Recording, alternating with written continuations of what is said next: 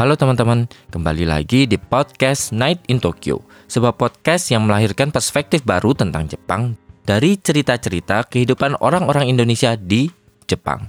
Dibawakan oleh gua, Aiman, host Night in Tokyo.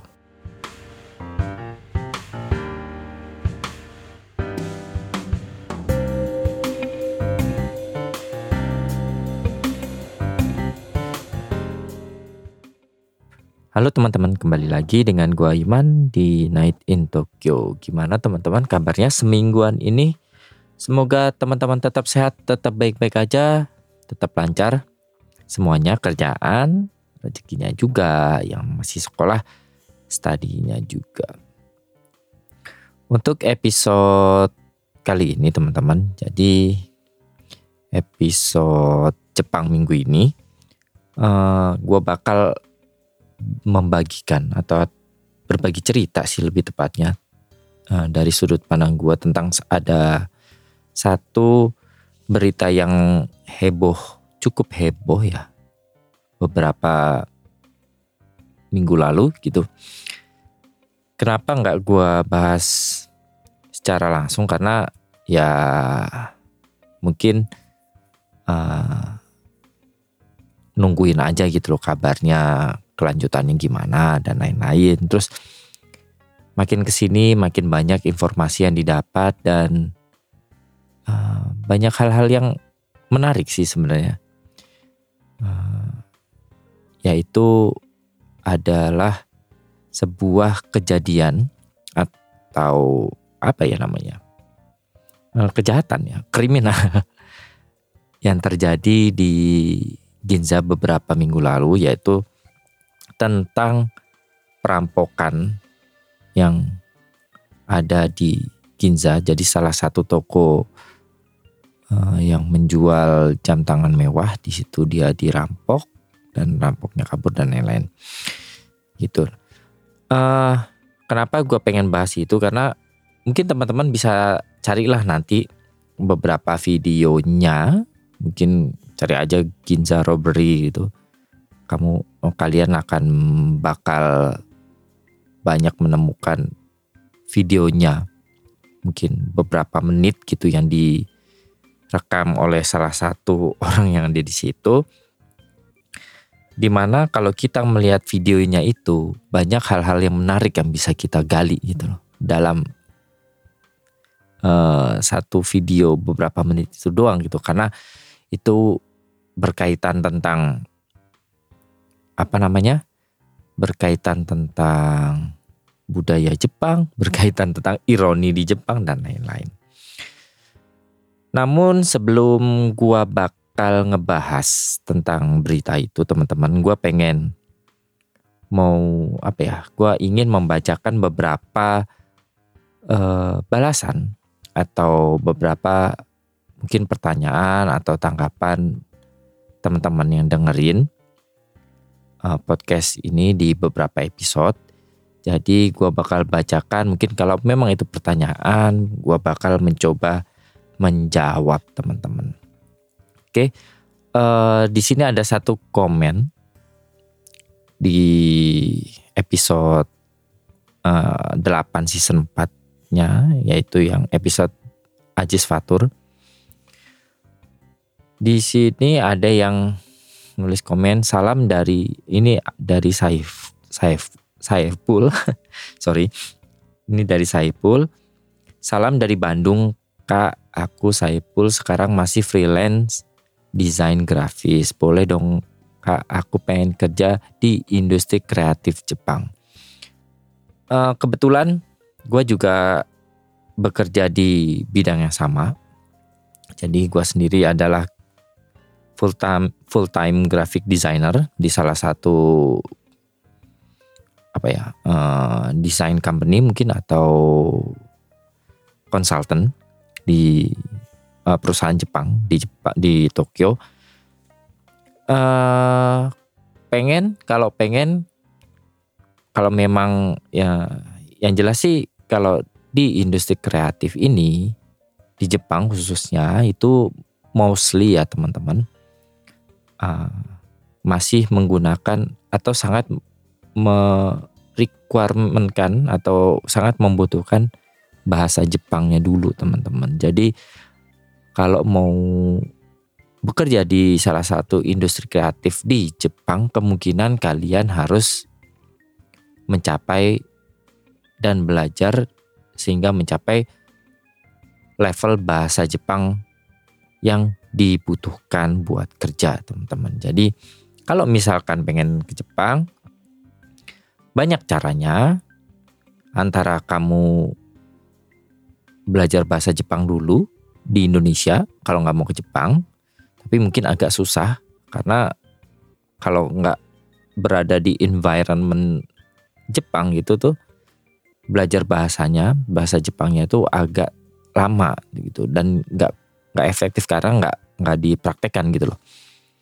Kalau mau cari eh, apa namanya sekolah bahasa Jepang di Jepang, mungkin kalian bisa cari beberapa agent yang ada di Indonesia yang memberangkatkan mahasiswa bukan mahasiswa ya, pelajar untuk belajar bahasa Jepang di sekolah bahasa Jepang di Jepang. nah mungkin di sana belajar yang rajin gitu. Mungkin kalau rajin satu tahun udah cukup. Nanti setelah satu tahun belajar bahasa Jepang di sekolah bahasa Jepang, kamu bisa mulai cari tuh eh, apa namanya lowongan pekerjaan graphic designer di Jepang yang harus di Tokyo sih mungkin di Osaka juga ada di beberapa kota besar di Jepang biasanya ada gitu itu kalau mau kerja di industri kreatif di Jepang. Yang paling penting sih sebenarnya adalah uh, kemampuan bahasa Jepangnya. Mungkin kalau kamu tertarik dengan topik yang berkaitan dengan uh, topik yang berkaitan kreat, dunia kreatif. Jadi beberapa episode sebelumnya udah banyak banget uh, gua bahas di podcast ini. Jadi uh, kamu bisa uh, lu bisa cek di beberapa podcast sebelumnya. Kalau graphic designer di ada di season 4 eh season bukan, season 3.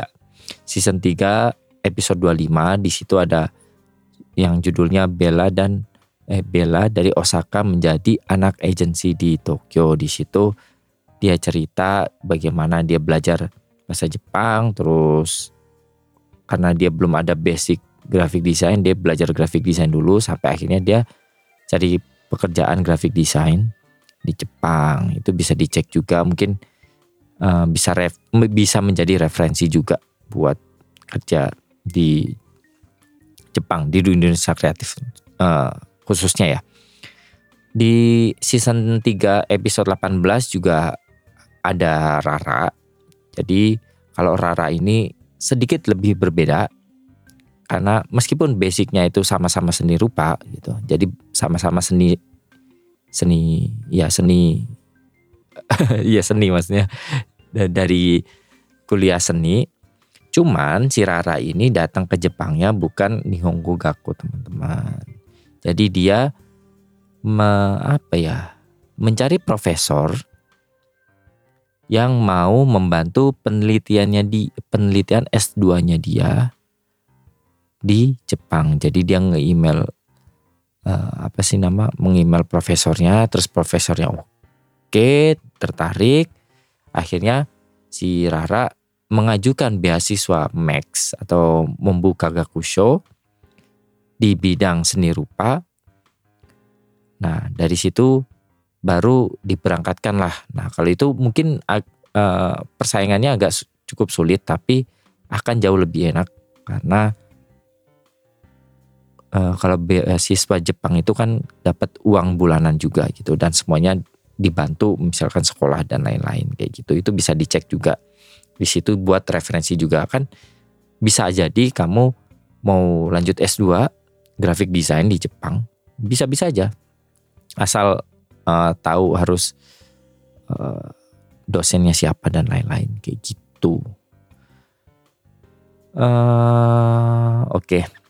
selanjutnya, selanjutnya ini ada Wahyu di episode Maze-Maze nomor 14 yang ngebahas tentang Kafun Show di sana. Jadi si Wahyu ini bilang gak pernah dan merasa heran dengan alergi polen karena alergi polen tuh Kafun Show ya teman-teman karena nggak bisa relate aja gitu. Tapi kasihan juga sih pas lagi musim sakura malah nggak bisa nikmatin. Wah, kamu patut bersyukur Wahyu karena uh, itu adalah anugerah terbesar ketika kamu tinggal di Jepang dan belum kena atau bahkan sampai kapan pun nggak kena show. Karena show itu nggak enak banget. Pertama hidung kamu meler terus, terus gatel, dikit-dikit bersin dan lain-lain. Ya mungkin yang sampai parahnya itu ada yang sampai matanya gat apa merah gatel terus ada yang pusing juga dan lain-lain. Nah intinya adalah karena itu penyakit tahunan atau penyakit yang selalu ada gitu di Jepang, ketika kamu nggak kena saat uh, musim penyakit itu berarti kamu patut bersyukur gitu. Ya enak loh. Bersyukur dong kalau nggak kena kafunsio karena kafunsio itu nggak enak banget. Oke, okay. next ada komen dari hmm? Pakai katakana ya Vie oh V Vie oke okay, dari Vie uh, di episode Jepang minggu ini yang uh, yang pada bulan 0428. Jadi ditanya bagaimana menurut kakak tentang persahaman di Jepang? Apakah worth it? Uh, maaf pertanyaannya rada kejauhan tapi mungkin ini bisa jadi ide buat yang nabung jangka panjang. Uh, kebetulan kemarin gue lagi uh, gue sempat ngobrol bareng Bang Toru jadi dia adalah salah satu Eh, pemegang beasiswa juga dari 2012. Terus salah satu komika di stand up Indo Tokyo juga. Dia cukup aktif meskipun sedikit-sedikit tapi cukup aktif kayak main saham dan lain-lain. Dan sepertinya cukup menyajikan ya. Kalau memang passionnya di situ ya teman-teman. Jadi bukan berarti uh, apa ya semua orang harus mencoba nggak juga itu kayak balik balik lagi kayak pekerjaan gitu loh kalau memang kamu suka di bidang itu ya kamu akan suka juga menjalaninya tapi kalau nggak suka ya daripada jadi pikiran mending yang gampang-gampang aja misalnya deposit dan lain-lain kayak gitu tapi yang jelas kalau kalian mau nyoba saham kayaknya mau di mana-mana pun ya nggak harus di Jepang di Indonesia ataupun di negara bagian dunia lainnya itu kalau pinter ya untung-untung aja gitu. Yang jelas jangan pakai emosi dan sebisa mungkin jangan pakai uang panas. Jadi uang dingin yang memang kalian itu udah mengikhlaskan kalau itu bakal hilang. Itu. Oke, okay, good luck buat yang main saham. Dan ini ada komen terakhir di episode season 4 episode 4 yang bareng Mr. X membahas tuntas dunia prostitusi di Jepang. Jadi ada RC H RCH Cia apa Rachel Cia mungkin namanya dia komen very informatif wow iya dong gue sebenarnya juga uh, jujur ya teman-teman buat episode ini itu sebenarnya gue juga nggak menyangka bahwa si Mr. X itu cukup bagus dalam menyampaikan atau menginformasikan sesuatu gitu. Jadi public speakingnya juga lumayan gitu loh. Tapi memang dia secara akademis cukup mumpuni ya teman-teman. Jadi uh, ya make sense kalau dia memang uh, apa ya tata bahasa cara ngomongnya tuh bagus. Jadi makanya semua hal yang disampaikan oleh Mr. X di episode ini itu tuh enak gitu loh. dia menjelaskan menjelaskannya secara informatif. Ngomong-ngomongin tentang uh, episode dengan Mr. X ini, jadi uh, beberapa minggu ke depan, gue gua bakal mencoba membuat episode baru dengan Mr. X, teman-teman. Jadi akan membahas jauh lebih dalam tentang pengalamannya dia uh, di apa nyewa itu itu itulah maksudnya ya kayak gitu gitu jadi websitenya apa kalau di situ apa kesannya gimana ceweknya seperti apa dan lain-lain pokoknya yang lebih detail dan lebih sensitif nah, itu bakal gua buat di beberapa minggu ke depan. Hanya saja teman-teman karena ini informasinya cukup sensitif ya. Terus nggak semua orang juga bisa menanggapi dengan uh, bijak juga. Jadinya ini episode nextnya bareng Mr. X ini akan menjadi episode berbayar. Jadi gue sekalian mencoba ya mencoba fitur fiturnya di noise yaitu yang VIP noise jadi kalau kalian tertarik pengen dengerin jauh lebih dalam informasi tentang kayak gitu-gitu nanti tungguin aja di Instagram Net in Tokyo, gue bakal informasikan di sana. Dan tentunya kalian kalau mau dengerin episode itu, ya setidaknya harus bayar. Uh, bukan kenapa, ya biar ini aja teman-teman, biar terseleksi juga. Jadi kalau memang beneran tertarik dan udah siap dengan informasinya itu, kalian tentunya udah siap membayar konten itu. Oke, tunggu ya teman-teman. Ya, oke itu aja semua dari komen. Terima kasih teman-teman komen dan uh, apa ya pertanyaannya buat di beberapa episode sebelumnya di Night in Tokyo. Sekarang gue bakal membahas tentang mungkin teman-teman uh, lihat berita lah di di internet dan lain-lain di mana beberapa minggu lalu itu ada sebuah video yang merekam uh, apa namanya perampokan di salah satu toko uh, jam tangan mungkin nggak jam tangan doang tapi yang kebanyakan diambil ada jam tangan mahal di distrik Ginza gitu. Gua nggak bakal menjelaskan kronologinya apa dan lain-lain. Gue tuh cuma pengen coba deh teman-teman kalian cari itu videonya yang di mana video waktu mereka melakukan perampokan itu direkam oleh orang yang lagi lewat di situ teman-teman lagi ada di situ gitu loh yang di mana di video itu tuh banyak banget yang bisa dibahas gitu loh teman-teman. Kenapa? Karena ada ironi di situ ada budaya Jepang di situ dan ada fenomena yang lagi apa ya namanya lagi boom atau lagi marak di Jepang teman-teman. Yang mungkin kalian kalau nggak tinggal di Jepang nggak tahu ruh rupanya di Jepang ada yang kayak gitu-gitu nah jadi gue udah uh, udah menyusun beberapa poin yang sekiranya ketika kalian melihat video itu pokoknya nanti cari aja ya teman-teman. Videonya itu uh, kayak apa ya Uh, jadi mereka tuh merekam, bukan mereka ya, kayaknya satu orang itu merekam si perampok dua orang yang pakai topeng itu lagi ngambilin barang apa nge, apa mecahin kaca, ngambilin barang dan lain-lain sampai akhirnya kabur gitu naik mobil. Nah,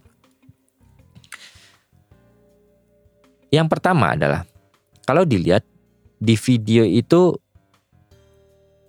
uh, gue nggak tahu kalian ngerti bahasa Jepang atau enggak gitu loh. Tapi beberapa video cari yang udah ada subtitlenya gitu bahasa Inggris atau nggak tahu sih bahasa Indonesia atau ada atau enggak. Jadi di video itu masih ada yang nggak percaya kalau itu adalah perampokan beneran teman-teman. Bahkan dia bilang, oh ini lagi syuting ya. Oh tapi mana krunya gitu? Eh bukan ini beneran ya kayak gitu-gitu teman-teman. Jadi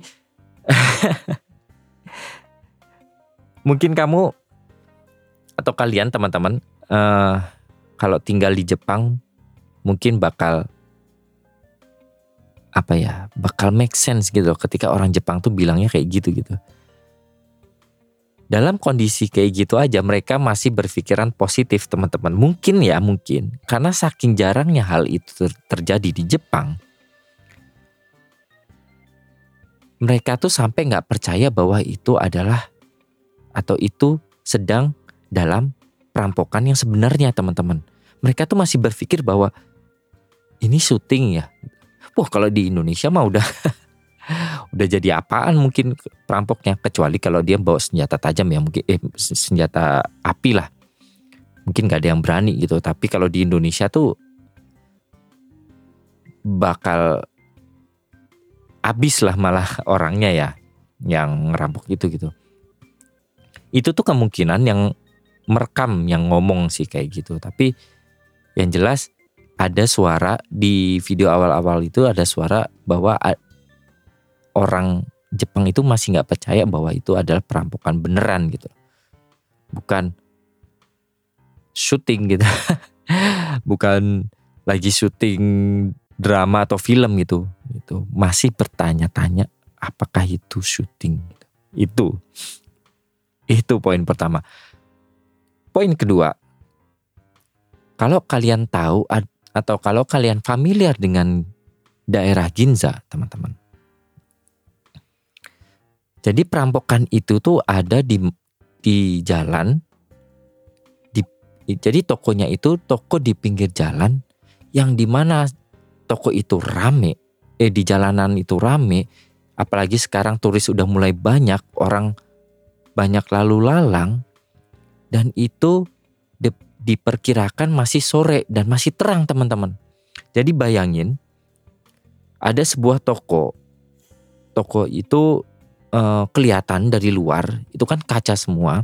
Masih siang, di situ rame dan jalanan Ginza itu jalanan rame teman-teman. Jam segitu orang lagi belanja, mungkin orang lagi jalan-jalan traveling, dia malah ngerampok jam segitu teman-teman. Gue juga nggak tahu sih, mungkin pertimbangannya apa kenapa dia atau mereka ya mereka. Mereka itu merampoknya jam segitu gue juga nggak tahu kenapa alasannya tapi itu tuh aneh gitu. Antara nekat atau bodoh atau nggak tahu lah pokoknya aneh aja gitu loh kenapa uh, kayak gitu. Makanya ada yang mendokumentasikan teman-teman. Bahkan di video itu tuh ada orang yang lewat di uh, apa ngelewatin toko itu gitu. Ada yang berdiri di situ, ada yang ngumpul, ada yang nontonin dan lain-lain dan mereka yang rampok tuh ya sibuk-sibuk aja gitu. Sibuk-sibuk uh, apa sih namanya? ngambilin ngambilin jam-jamnya itu gitu loh buat diambil gitu. Nah, gitu. Gue juga nggak ngerti kenapa dia ngerampoknya masih siang gitu. Meskipun ya kalau di film-film kan memang ngerampok banknya siang-siang juga sih ya. Gitu. Tapi dia tapi mereka bawa, bawa senjata api gitu loh.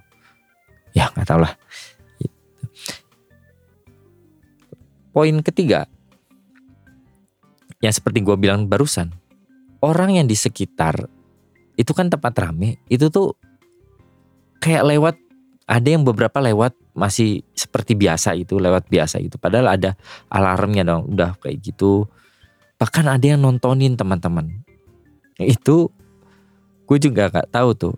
Si perampoknya tuh diliatin itu merasa merasa takut atau merasa gimana gitu. Tapi ya mereka tetap melanjutkan sih uh, ngerampok barang-barangnya itu gitu loh. Tapi kenapa ya? Apakah orang-orang Jepang ini merasa optimis gitu bahwa ah paling ntar nih orang-orang juga ketangkap gitu loh. Makanya ya mereka lewat-lewat biasa aja gitu.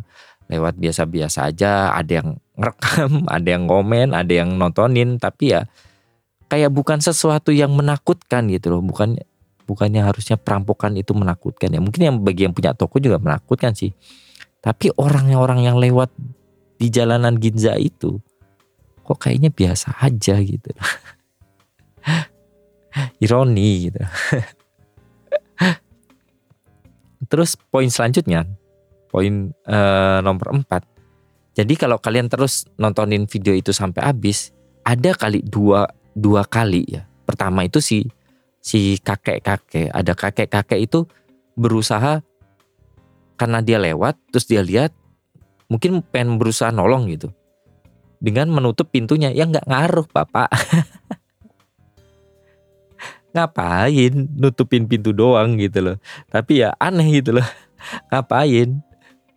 Jadi perampoknya sibuk masukin barang gitu terus dia kayak uh, berkontribusi buat nutupin pintunya supaya jalan keluarnya nggak nggak gampang gitu. Kayak gitu. Nah yang di akhir-akhir video itu pas si perampoknya itu akhirnya nanti kabur uh, dengan mobil itu tuh masih ada nenek-nenek yang nahanin pintunya teman-teman. Gila loh nenek-nenek nahanin pintunya pas mereka tuh keluar gitu. Sampai dibilangin gue bunuh lo gitu. Akhirnya neneknya kayak melepaskan apa karena itu ditahan sama dia tuh waktu si perampoknya mau keluar gitu loh ditahan sama si ibu-ibu itu terus gue bunuh loh terus akhirnya dilepas uh, terus perampoknya lari naik mobil dan kabur gitu. Lucu ya. Gue melihat video itu tuh malah apa ya? Komedi apa lagi nih kayak gitu. Poin selanjutnya ini cukup menarik juga poin selanjutnya teman-teman. Jadi di poin kelima ini yang gue merasa agak gimana gitu aneh gitu mereka itu kabur dengan mobil Alphard teman-teman jadi nggak ada tuh uh, kayak film di film Indonesia perampok preman itu naiknya hardtop atau naiknya jeep gitu. Enggak. Perampok di Jepang naiknya Alphard teman-teman.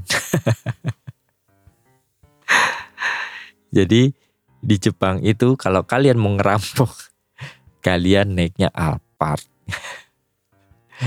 gitu. Apakah gara-gara itu value Alphard jadi menurun? Apakah gara-gara itu image Alphard menjadi mobilnya perampok gitu? Kayak uh, kayak hardtopnya atau Jeep uh, yang sangat mengkonotasikan apa mobilnya preman di Indonesia atau penjahat di Indonesia gitu. Uh, nggak ya nggak tahu lah tapi cukup menarik gitu loh karena di mana image Alphard itu di Indonesia itu lux gitu loh. Wah, nggak semua orang bisa naik itu, nggak semua orang punya itu. Nah di Jepang perampok bawa itu buat merampok gitu loh. Kan banyak pilihan mobil lain gitu, mungkin yang jauh lebih cepat sedan atau apa. Kenapa dia milihnya Alphard? nggak tahu sih itu nah oke kita lanjut ke poin keenam jadi uh, beberapa hari yang lalu intinya pelakunya udah ketangkep teman-teman jadi pelakunya udah ketangkep pelakunya itu ada empat yang sangat mengejutkan adalah semuanya di bawah 20 tahun teman kita kira itu ah ini orang gembel gitu, orang dewasa gitu apa. Enggak mereka. Enggak teman-teman. Jadi empat orang itu pertama satu umurnya 16 tahun. Satunya lagi umurnya 18 tahun. Dan dua umurnya 19 tahun teman-teman. Bayangin, Rupanya orang-orang yang rampok pakai topeng itu itu tuh masih remaja. Nyampe 20 tahun juga belum gitu. Yang di mana kalau Jepang kan 20 tahun baru uh, masuk dewasa. Ya mungkin dia pun masih belum boleh minum alkohol. Kayak gitu. Itu yang mengejutkan. Rupanya nih orang-orang yang rampok ini adalah anak-anak muda itu. Oh pantas dia kayak cukup menghormati orang yang nahan tadi ibu-ibu itu. Oh kasihan nih ibu-ibunya. Mungkin kalau uh, bukan anak-anak atau bukan remaja gitu ditampol kali ibunya tapi enggak gitu mereka kayak nggak ngurusin ibu itu terus langsung kabur. Itu teman-teman. Dan yang lebih mengejutkan lagi waktu diinterogasi mereka bilang mereka saling gak kenal. Ayo makin bingung kan? Jadi empat orang itu saling gak kenal, ngerampok bareng, kabur bareng. Memang nanti uh, di poin selanjutnya gue bakal jelasin kenapa mereka itu mengklaim bahwa mereka itu nggak saling kenal. Di poin selanjutnya, jadi si empat orang ini teman-teman, di ada empat orang ini, yang tiga mengaku kalau dia uh, uh, apa guilty lah maksudnya uh, ngaku kalau mereka komit uh, apa sih komit perampokan yang satunya ini nggak mengaku atau nggak apa nggak mau diakui sebagai orang yang terlibat dalam perampokan itu. Yang di mana di beberapa, di beberapa artikel yang lain ada yang bilang yang nggak mengaku itu adalah supir. Nah, jadi supirnya itu eh, nggak uh, nggak merasa terlibat dalam perampokan itu karena tugasnya dia itu cuma nyetirin orang doang. Yang di mana kalau kita balik ke poin sebelumnya, empat orang ini itu tidak saling kenal. Yang jawabannya ada di poin selanjutnya. Jadi setelah diinterogasi teman-teman, kemungkinan besar mereka ini dapat pekerjaan atau baito atau atau part time di internet yang di mana di Jepang itu terkenal dengan nama Yami Baito. Jadi apa ya kalau di bahasa Inggris sini itu dark part time job teman-teman.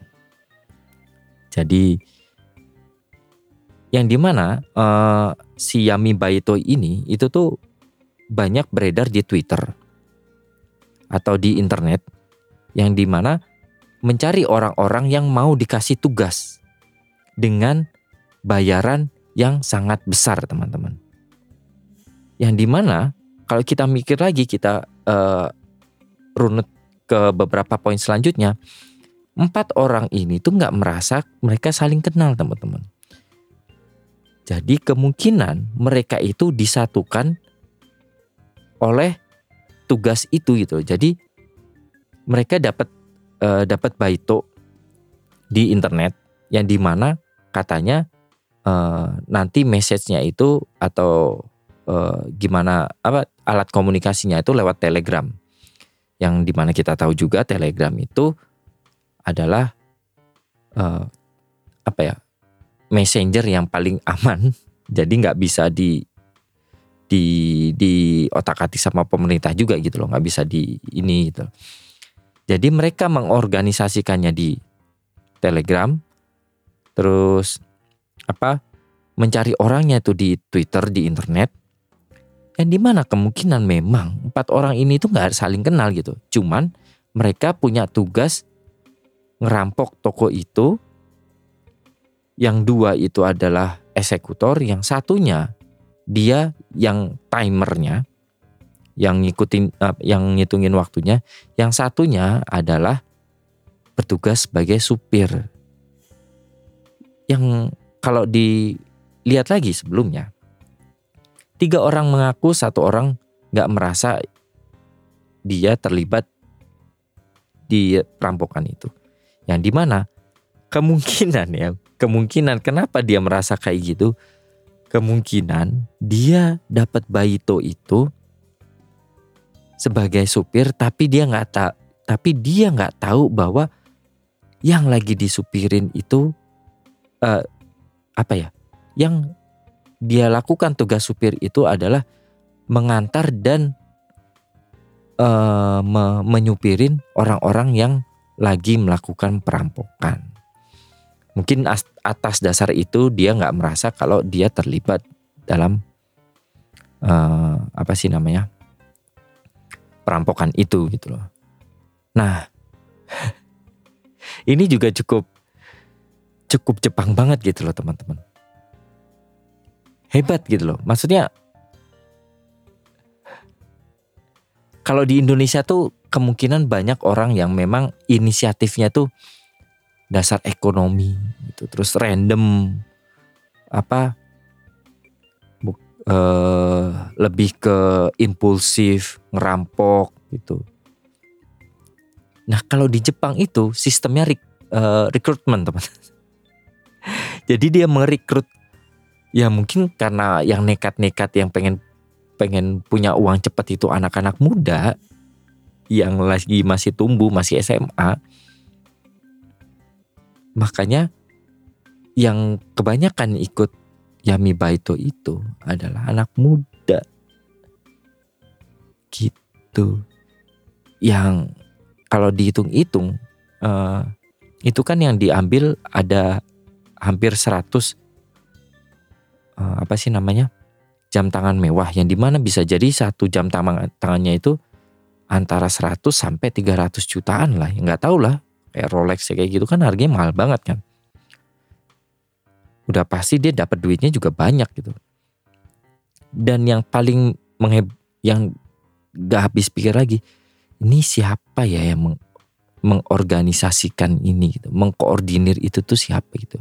Mulai dari rekrutmen terus siapa yang membuat perencanaan uh, siapa yang punya uh, yang ngatur yang punya tugas ini itu dia dia dia gitu loh. Sampai gimana cara escape-nya, nanti ketemu di mana, barangnya dikasihnya kapan dan lain-lain itu berarti sudah terencana gitu loh teman-teman. Yang di mana dalam perencanaan itu mereka nggak saling tahu. Yang di mana kalau udah mereka nggak saling tahu akan jauh lebih susah buat mentreknya siapa orang di balik itu. Gila gila. Ini sih uh, next level banget sih. gitu teman-teman. Uh, kalian bisa cari kok di di mana namanya di YouTube. Jadi ada postingan video dari South Morning Post kalau nggak salah ya. Ada media Hong Kong lah pokoknya.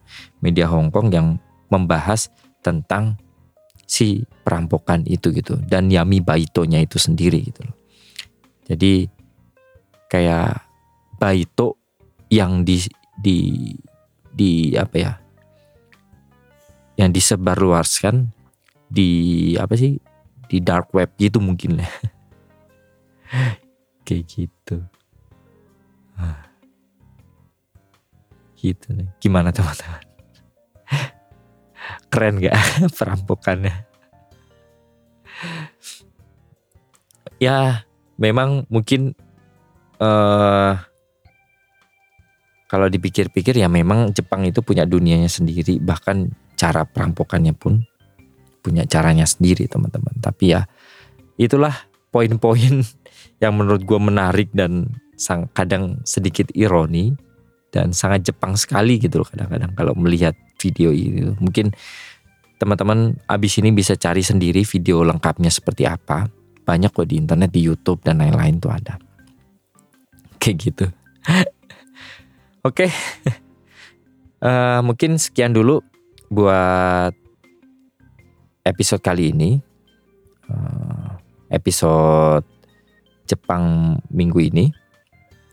Jadi terima kasih buat teman-teman udah tetap setia dengerin Night in Tokyo dan terima kasih juga buat teman-teman yang udah komen-komen di Spotify karena kalian bisa komennya di Spotify teman-teman. Jadi di setiap episode itu gue selalu nulis pertanyaan. Jadi teman bisa teman-teman bisa ngerespon yang mau nanti responnya dibacain juga silahkan respon di Spotify dan jangan lupa juga di rate juga ya teman-teman biar Spotify-nya naik dan biar makin banyak orang yang dengerin Night in Tokyo.